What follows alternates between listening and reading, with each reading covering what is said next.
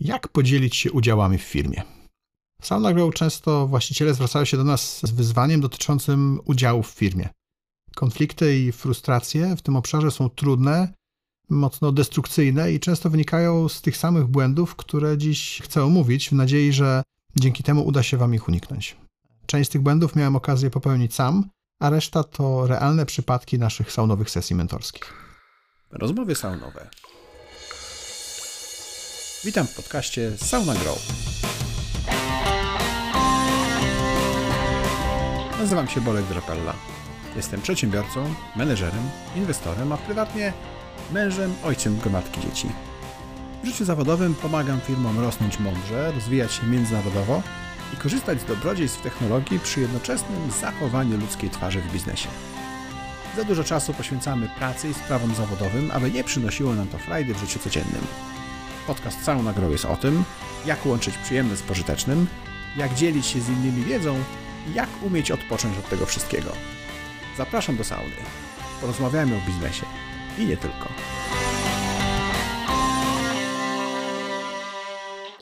Ale zacznijmy od tego, że konkretne ustalenia wspólnicze są potrzebne już na samym początku, nawet zanim powstanie spółka. Dlaczego? Między innymi dlatego, że później trudno jest cokolwiek zmienić.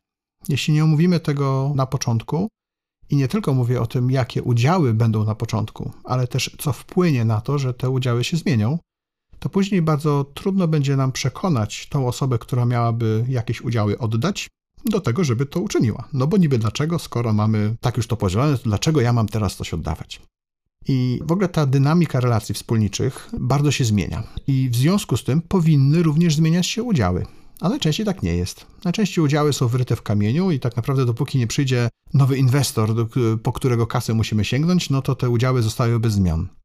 Ale zmieniają się właśnie te relacje wspólnicze, czyli na przykład zaczynamy w gronie trzech osób, a po jakimś czasie jedna z tych osób odchodzi, a te dwie pozostałe nadal za zerową pensję lub symboliczną pensję rozwijają firmę i czują taki no, słuszny żal do tej osoby trzeciej, która odeszła, że dlaczego ona ma mieć nadal tyle samo udziałów, skoro to my harujemy i jakby rozwijamy tą firmę. Jeśli takiej dynamiki się nie przewidzi w tym, jak się powinny zmieniać udziały, to to powoduje często nawet rozpad firm lub dużą frustrację z racji tego, że te osoby, które zostają w firmie, wcale nie mają ochoty harować na tego trzeciego, który właśnie odszedł. I dlatego dobrze jest założyć pewne ustalenia na początku, ale powiedzieć wyraźnie, kiedy ten podział się zmieni, jeśli co się wydarzy. I to, co się wydarzy, nie musi tylko oznaczać odejście jednego ze wspólników, takie operacyjne, tylko na przykład urodzi mu się dziecko, zmieni mu się sytuacja rodzinna i nagle się okazuje, że nie może już pracować za symboliczne wynagrodzenie typu 1000 zł miesięcznie, bo ma swoje koszty. I on bardzo chętnie nadal by został w firmie, nadal by robił to, co robi, no ale jednak zmieniła mu się sytuacja życiowa, więc musi dostawać pieniędzy więcej. A tych pieniędzy w spółce jeszcze nie ma na to, żeby każdy ze wspólników dostawał tyle samo, tak? czyli żeby zachować jakby tą równowagę. I w takim wypadku w naturalny sposób powinno e, zmienić się to, jak rozkładają się udziały w firmie. Ale jeśli tego nie, nie przewidzimy jakby od początku i nie wycenimy tego, jak one się powinny zmieniać, to bardzo trudno jest to później wdrożyć.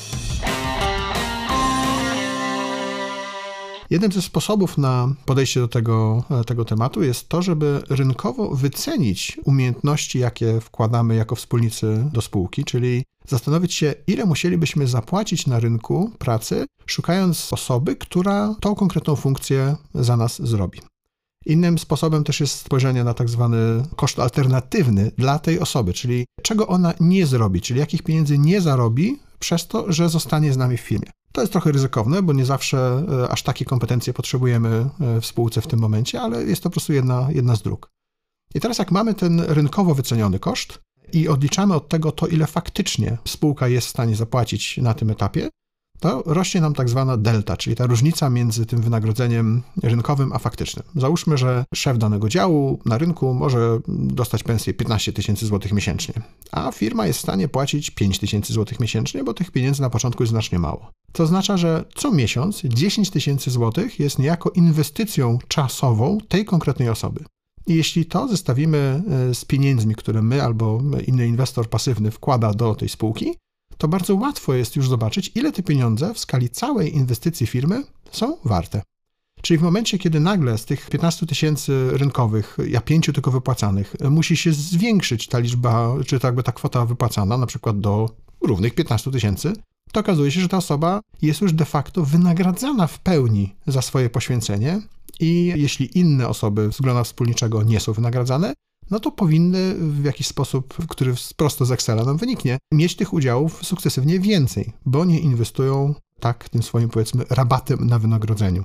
I taka metoda jest bardzo rzadko stosowana, a bardzo często powinna być, bo ona już na dzień dobry pokazuje wspólnikom od samego początku, jak udziały się zmienią, jeśli zmienią się realia pracy. Jeśli osoba zupełnie odejdzie ze spółki, a pozostałe osoby też pracują, no to w takim razie zupełnie jakby od, odpada ten element rabatu czy dostarczanej e, usługi, więc też to będzie miało przełożenie na, na nasze udziały.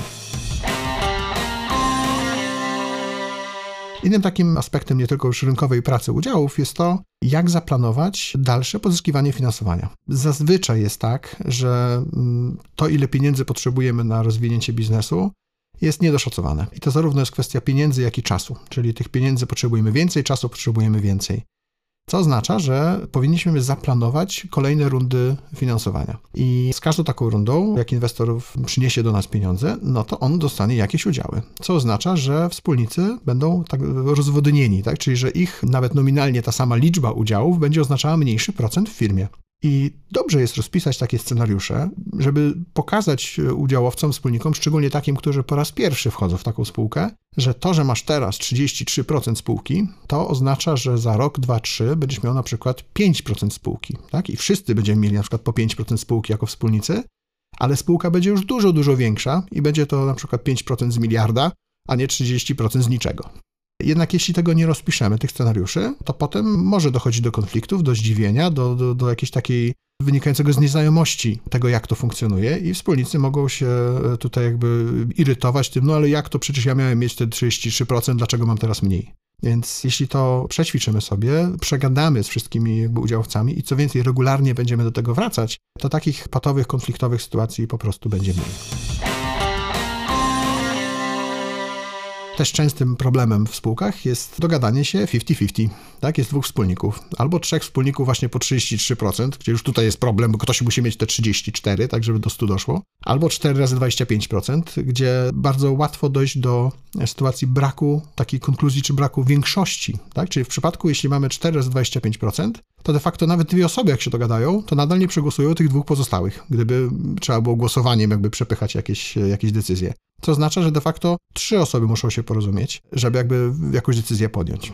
I w takich sytuacjach patowych, e, gdzie mamy na przykład właśnie te 50-50 czy 4 razy 25%, jeśli nie ma silnego lidera, prezesa, który nie tylko jest nominalnym prezesem, ale od samego początku nazwane jest to, że ta osoba ma głos decydujący w przypadku remisu w wyniku, to wtedy często paraliżujemy albo przynajmniej utrudniamy działalność spółki. Zdarza się tak, że e, głos decydujący danego wspólnika jest tak długo decydującym, jak wspólnik jest również jednocześnie członkiem zarządu.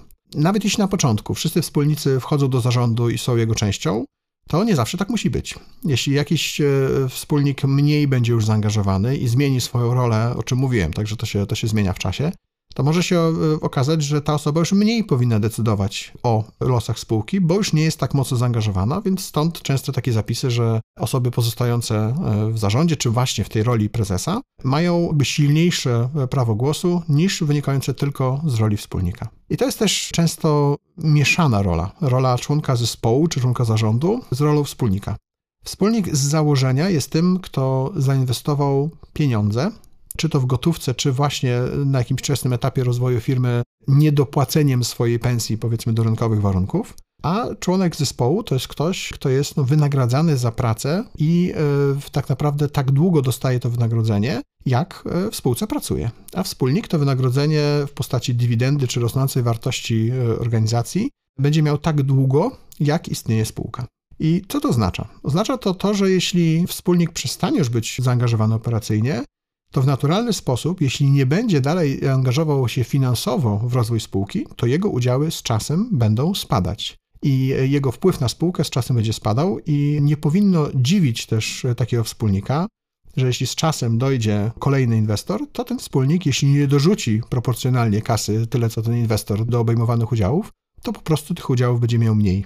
I o takim rozwodnieniu bardzo warto jasno powiedzieć na samym początku, bo jeśli tego nie zrobimy, to czasami e, może dojść do sytuacji takiej, gdzie taki wspólnik e, będzie ograniczał możliwości rozwojowe spółki, będzie blokował podniesienie kapitału i przyjęcie zewnętrznej inwestycji, a z kolei dla zewnętrznego inwestora, szczególnie venture capital, wspólnik pasywny, który ma zbyt dużo, duży udział w spółce, czyni spółkę nieinwestowalną. Nieinwestowalną w takim znaczeniu, że osoby zaangażowane zespół założycielski ma zbyt mały udział w firmie i przez to w oczach funduszy venture capital zbyt małe jest jakby zainteresowanie czy motywacja, zbyt słaba jest tego zespołu założycielskiego do tego, żeby zrobić z tej firmy prawdziwie dużą i olbrzymią organizację. A przynajmniej skalowalną globalnie, tak jak każdy venture capital chce. Innym obszarem, który warto też na samym początku e, zaplanować, jest tak zwany ESOP, czyli Employee Share Option Plan, czyli to, jak kluczowi pracownicy, już poza tym zespołem założycielskim, mogą z czasem stać się częściowymi właścicielami firmy. Zazwyczaj to są w wielkości łącznie nie wiem, 10 czy nawet kilkanaście procent firmy wśród wszystkich kluczowych pracowników, więc na osobę wychodzi to 1-2% ale dobrze jest to zaplanować na początku, ponieważ to również rozwodni oryginalnych wspólników. Jeśli tutaj nie ma porozumienia od samego początku, że to jest istotne, to potem może być to trudne do wdrożenia, a znowu e, inwestycje na poziomie venture capital niemalże, czy prawie zawsze wymagają takiego ESOP-u, czyli te, tego podzielenia się sukcesem z pracownikami, bo wiedzą, że to zmniejsza ryzyko niepowodzenia całego projektu. Warto też myśleć o strategii tego, czym chcemy być jako firma. Mówiliśmy też o tym w innych odcinkach, o wizji, misji i wynikających z nich strategii, bo jeśli tutaj na poziomie wspólniczym mamy rozjazd i nie, nie widzimy tego tak samo, to bardzo łatwo będzie o kolejny konflikt i taką jakby niepewność tego, gdzie długofalowo e, firma ma się udać, tak, gdzie, gdzie, gdzie ma dążyć. A to wiąże się też e, ze strategią exitu, czyli kiedy my jako wspólnicy chcemy z tej inwestycji wyjść. I oczywiście to, że ustalimy sobie na początku firmy, e, że będzie to za 5 lat czy za 10 lat, to się może jeszcze tysiąc razy zmienić, więc warto o tym regularnie rozmawiać. Ale jeśli na samym początku będziemy mieli ten horyzont inwestycyjny różny, to to jest gwarantowany problem i konflikt e, między wspólnikami w trakcie. Więc warto to na początku omówić i omawiać regularnie to, gdzie i kiedy chcemy z tej inwestycji wyjść, i nawet jeśli się to z czasem jakby no rozwijadą nasze, nasze tutaj pomysły czy, czy, czy kierunki, to jeśli będziemy o tym mówić regularnie, to w odpowiedni sposób i szybciej będziemy mogli to zaadresować, zanim to się stanie faktycznie konfliktem. I taka ostatnia jeszcze myśl. Znane jest oczywiście powiedzenie, że umowy piszemy na czas wojny, a nie na czas pokoju. I e, dobrze jest to, to, to powiedzenie przywoływać, w momencie, kiedy jest jakaś taka naturalna niechęć do tego, żeby spisywać wszystkie nasze ustalenia w formie umowy. Dla niektórych wspólników, szczególnie tych mniej doświadczonych, jest to takie dziwne, że no przecież tutaj mamy sobie ufać, mamy zrobić super, super firmę, no to dlaczego takie rzeczy musimy wpisywać w umowach? No właśnie po to, żeby później nie było z tym problemu. I e, wpisywanie e, tych, tych umów w umowach jakby elementów związanych z rozwodnieniem, z, z exitem, ze strategiami czy z tymi ESOP-ami, tak, czyli udziałami dla e, pracowników, nie jest oznakiem braku zaufania czy słabości, tylko wynika z szacunku do tego, że jeśli się porozumiemy, czym ma być firma dalej, to będzie nam po prostu znacznie łatwiej w codziennym funkcjonowaniu tej firmy i łatwiej nam będzie przechodzić przez wspólne wyzwania z tym związane. Stąd w takich umowach często za, zapisy się pojawiają do, odnośnie zakazu konkurencji, również takie po wyjściu ze spółki. Są naturalne bardzo zapisy odnośnie pierwokupu, czyli że jeśli którykolwiek ze wspólników będzie chciał sprzedać swoje udziały, to najpierw pierwszeństwo zakupu mają pozostali wspólnicy. Są też prawa przyciągnięcia, polegające na tym, że jeśli jaka, przynajmniej połowa wspólników będzie chciała sprzedać firmę, to ci mniejszościowi też muszą się na to zgodzić. Chodzi o to, żeby nie blokować też wyjścia, wyjścia z inwestycji. I takie już konkretne zapisy oczywiście to przygotowuje prawnik, ale prawnik przygotowuje je zazwyczaj na podstawie tego, o co my go poprosimy. Więc jeśli prawnik nie ma dużego doświadczenia typowo w transakcjach, w umowach wspólników, w umowach spółki, to y, może nie zawsze być w stanie nam w tym pomóc. Robimy często takie rzeczy jako, jako Sauna Grow, również jakby z naszym prawnikiem, więc warto, warto o tym pamiętać, ale y, niezależnie od tego, kto Wam będzie w tym pomagał, pamiętajcie o tych elementach jasnej komunikacji między Wami jako wspólnikami. Jeśli tego nie będzie, to gwarantujecie sobie problemy w przyszłości. A jeśli te problemy już się pojawiły, bo tego podcastu nie udało Wam się odsłuchać wcześniej, to pamiętajcie, że zawsze lepiej się porozumieć, czasami może nawet z, jakąś mediacją pomiędzy Wami jako wspólnikami, niż iść na noże i potem próbować w sądzie udowadniać swoich racji, bo ani to przyjemne, ani to biznesu nie robi, ani dobrych relacji nie tworzy, a przede wszystkim trwa znacznie dłużej niż dogadanie się. I tym optymistycznym akcentem życzę Wam dobrego ustalania relacji wspólniczych i oby były one dynamiczne, a nie wyryte w kamieniu. Choć zapisane w umowach. Dzięki. Podobał Ci się ten odcinek? Bardzo prosimy, oceń nasz podcast w Twojej ulubionej platformie streamingowej. Jeśli możesz, podziel się linkiem z tego odcinka w social mediach, na przykład na LinkedInie czy Facebooku. Dzięki temu możemy sprawnie działać i nagrywać kolejne podcasty. Z góry serdecznie dziękujemy za tak okazane wsparcie.